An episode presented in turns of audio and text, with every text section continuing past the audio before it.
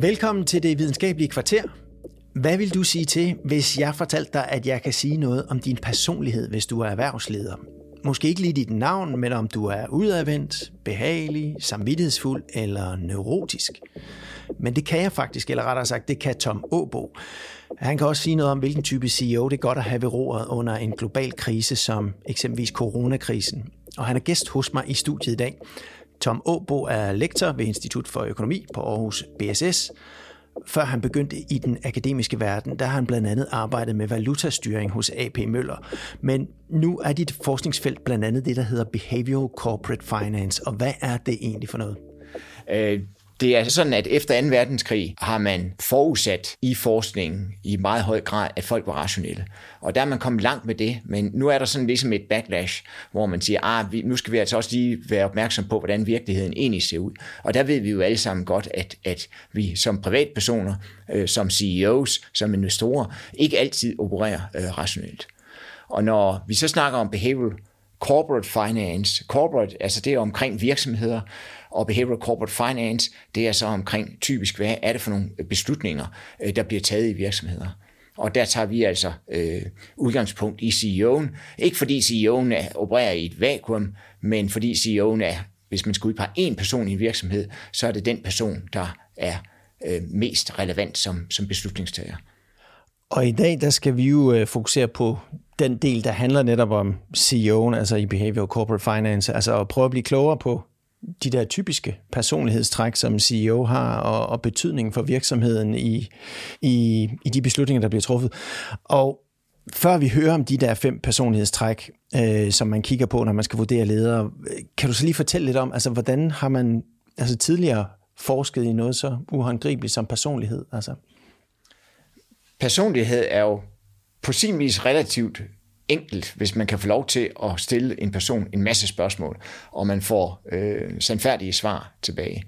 Øh, problemet i forskningsmæssig sammenhæng, hvis man ikke kigger på sådan case-studier, men hvis man kigger på, at man vil gerne se på en hel population af CEO og hvordan de generelt opererer, det er jo, at man kan ikke få CEOs til at udfærdige lange spørgeskemaer, og selv hvis de gjorde, var man ikke engang sikker på, at de rent faktisk var sandfærdige. Øh, så derfor bliver man nødt til at bruge øh, nogle proxyer for, øh, for de her uh, behavioral uh, traits. Og hvad kunne det være? Når vi kigger på børsnoterede selskaber, så har de kvartalsregnskaber. Der holder de det, man kalder et conference call, hvor de svarer på spørgsmål fra uh, journalister, fra uh, analytikere. Og der tager vi den her Q&A-session, altså spørgsmål-svar-session, hvor de ikke på forhånd kan have fået at vide, at nu skal I nok sige sådan og sådan, eller på forhånd have skrevet ned, at det og det skal I sige.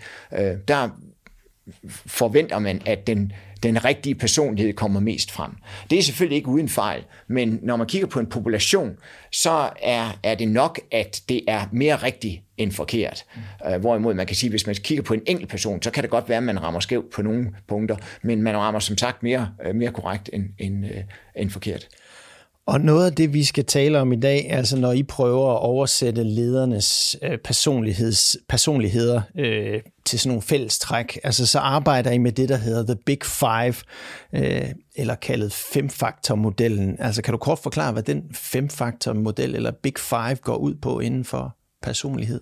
Altså The Big Five er i modsætning for eksempel til, hvad jeg sagde før med omkring narcissisme, så er Big Five det er et øh, forsøg på så få parametre som muligt og kunne karakterisere en persons personlighed. Og, og, og det, den er jo også kritiseret selvfølgelig, men, men i, i psykologilitteraturen er det den, der er mest brugt og mest anerkendt.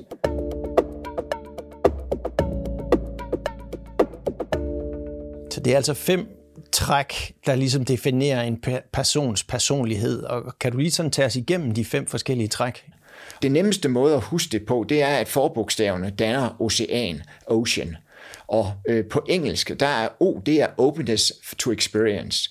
Og det vil sige, at man egentlig er, kan man sige, kreativ, man trives ved nye ting, og man keder sig derimod, hvis det er business as usual, man laver det samme i går, i dag og i morgen. Øh, Sid i Ocean, det er conscientiousness. Øh, det er, øh, man kan oversætte det ved samvittighedsfuldhed, men det er også noget omkring med, at man er meget tilbøjelig til at planlægge, ofte detaljplanlægge. Man har en meget, meget struktureret approach, hvilket kan være fint, hvis det er business as usual, men hvis man er i mere turbulente vande, nu snakkede vi om coronakrisen, så kommer man pludselig til kort, fordi det ved alle også fra rent privat, hvis man skal planlægge en ferie, det er jo totalt umuligt i øjeblikket. Så man kan sige sådan lidt en control freak, altså en, der gerne vil have styr på tingene. Ja. Øh, så kommer vi til ed, ocean. Det er extroversion. Det er nok den nemmeste oversæt. Det er ekstrovert kontra introvert. Ad i ocean, det er agreeableness, hvor man kan sige egentlig, hvor behagsyg er man, altså hvor rar er man at være sammen med, men det har jo også samtidig også noget at, at gøre med, hvor konfliktsky er man, altså tør man tage konflikterne. Og øh, så har vi N, der er neuroticism, der er egentlig, hvor neurotisk man er. Nu er det jo de første CEOs, der er neurotiske, fordi så vil de nok ikke komme derop og, og være CEO. Men man kan også sige, hvor, hvor emotionelt stabil er du.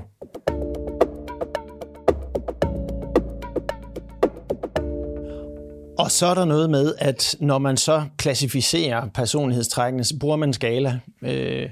Ja, øh, og, og den skala, øh, der bliver brugt her, det er en skala fra 1 til 7.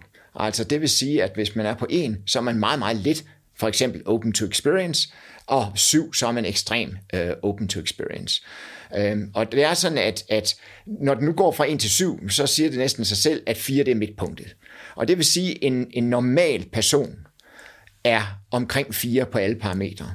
Uh, og der kan man se, at, at CEOs er ikke som normale personer. Altså der er simpelthen en junglelov fra erhvervslivet, der har gjort, at CEOs generelt tenderer til på de første tre parametre at være højere, på den næste, øh, næste sidste parameter at være det samme, og på den sidste at være lavere. Det vil altså sige, at CEOs tenderer til at være mere open to experience end normal person, øh, mere conscientious, altså målrettet end normal person, øh, mere ekstrovert, en normal person. Og de tre ting her, det giver jo sådan øh, god intuition sådan set.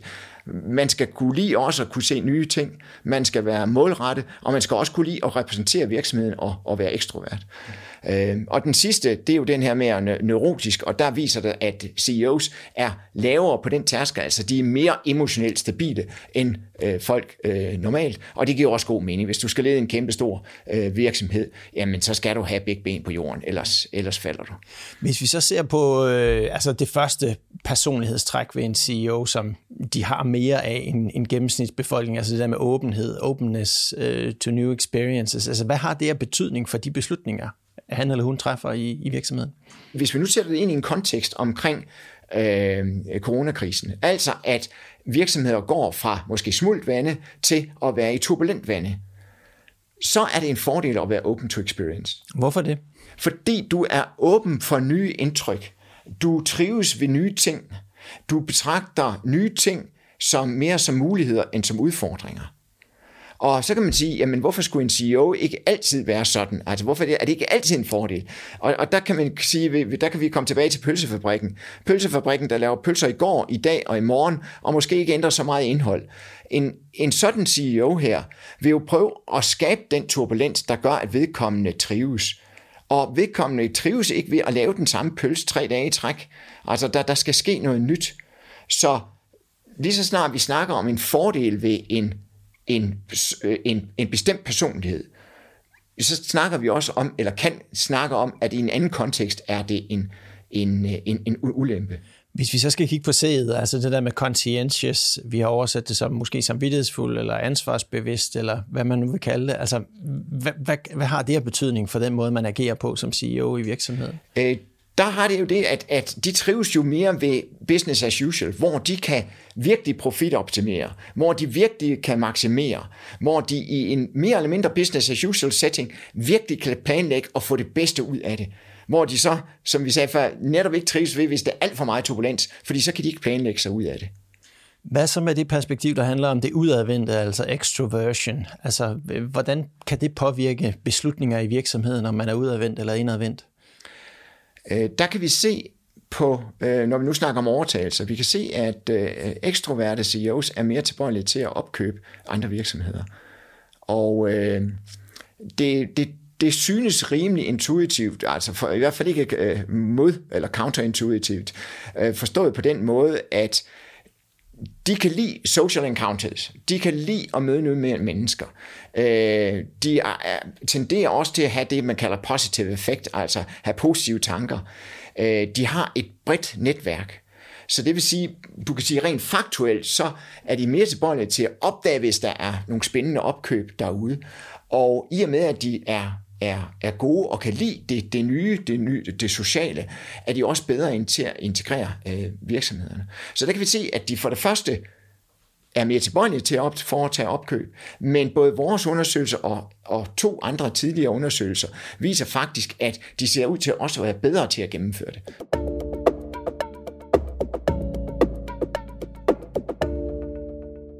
I vores øh, snak op til det her interview, der har du nævnt øh, Jeff Bezos som sådan et kongeeksempel på nogle af de her personlighedstræk. Altså kan du forklare hvorfor? Hvad er det, han står for? Det, vi har kigget på i vores undersøgelse konkret, det er øh, det, der kaldes S&P 1500 firmaer. Det vil sige nogle af de største børsnoterede selskaber i, i USA, og, og vel at mærke de ikke-finansielle. Og øh, der har vi kigget på nogle af de her CEOs, der, der er mest kendt. Og sådan en som Jeff Bezos er jo en, der også er kendt øh, af mange i, i, i Danmark. Men øh, når vi tjekker ham på de her proxyer, vi har, så bonger han i den grad ud på to parametre. Øh, den ene, det er openness to experience, hvor han er markant højere end andre CEOs. Altså for det første er CEOs mere open to experience end lægemænd. Og Jeff Bezos, han er så markant mere open to experience end øh, de her CEOs. Plus, at han er mindre neurotisk, altså mere emotionelt stabil. Igen, i forhold til lægemænd er CEOs mere emotionelt stabile en lægemænd, og Jeff Bezos han er så endnu mere emotionelt stabil. Og det er meget, altså, kan man sige, sjovt, når man så kender historien om Amazon, at de to parametre er jo netop dem, vi fandt omkring det her med, hvis man går i turbulent vande. Altså hvis der pludselig kommer mere volatilitet, så er det, at de her to karaktertræk er rigtig gode. At man er open to experience, at der kommer nye udfordringer, at man tager dem som en udfordring, mulighed, mere end som en trussel, og at man har begge ben øh, solidt plantet på jorden. Nu sidder vi så og snakker om sådan relativt store amerikanske virksomheder og, øh, og CEOs her. Hvis man nu sidder som helt almindelig øh, i en øh, dansk erhvervsleder og tænker, jeg har egentlig aldrig tænkt over de her personlighedstræk. Altså, hvad kan man så gøre øh, for så måske at blive klogere på, hvordan man selv ligger på de her big five? Det, det er faktisk relativt simpelt, fordi øh, det er, er tilvejebrægt, hvis man går ind på nettet, øh, så kan man få en kort version med 120 spørgsmål, og en lang version på 240 spørgsmål. Og hvis man ellers prøver at svare på de her spørgsmål færdigt, og ikke prøve at trække det i retning af, af en bestemt profil, man gerne vil, ligesom vil ligne, øhm, så er, får man faktisk et relativt godt billede på det. Kan du give nogle eksempler på, hvordan man kunne, kunne gøre det? Ja, for eksempel, altså, hvis, hvis vi nu siger, at, at jeg er en, en potentiel CEO, øh, jeg kunne godt tænke mig at være CEO, øh, jeg tager sådan en personlighedstest, og jeg får måske bekræftet, hvad jeg vidste i forvejen, jeg er håbløs introvert. Jamen, jeg kan ikke ved træning lære at blive ekstrovert. Men jeg kan godt se, okay, hvad er det for nogle sammenhæng, jeg måske vil være svag i? Hvad er det, som en ekstrovert gør, som jeg ikke umiddelbart vil gøre. Altså være mere udadvendt, gå mere, for eksempel til CEO, mere repræsentere flere, altså de her, man kalder social encounters. Jeg kan ikke ændre mig fra at være introvert til ekstrovert, men jeg kan ændre mine handlemønstre. Jeg kan tvinge mig selv til, måske fredag aften, hvor jeg egentlig hellere vil sidde for mig selv for en fjernsyn, og ringe til nogle venner og gå ud med dem. Jeg kan tvinge mig til, og det er jo i det private, jeg kan træne mig, men altså også i en, i en, i en virksomhedssammenhæng, jeg kan tvinge mig til at et deltage i forskellige netværk. Jeg kan tvinge mig til at agere, kan man sige, som en ekstrovert, og træne de svage sider, jeg har, givet min profil, op. Tom Åbo, vores øh, kvarter er ved at være godt gået. Øh, her på faldrebet kan du måske give lidt, øh, lidt vejledning, hvis man gerne vil læse mere om, øh, eller vide mere om det her med Big Five, personlighedstrækkende og lederens rolle. Hvad, hvad kan man så gøre? Altså på nettet står der rigtig meget, øh, og det, det ved vi, vi alle sammen. Det er jo ikke alt sammen lige, øh, lige høj kvalitet, men der kan man meget hurtigt få en, i hvert fald en brainstorming omkring det, og man er meget øh, velkommen til at, at e-mail mig, og jeg kan jo så øh, enten henvise til nogle artikler, eller simpelthen sende nogle, øh, nogle artikler omkring det her, øh, hvad, hvad vi empirisk har lavet. Og det er jo ikke fordi vi er de eneste, men det kan man så også bruge til at, at få henvisninger til igen. Hvad er det, man så øh, mere kan, kan, kan dykke ned i?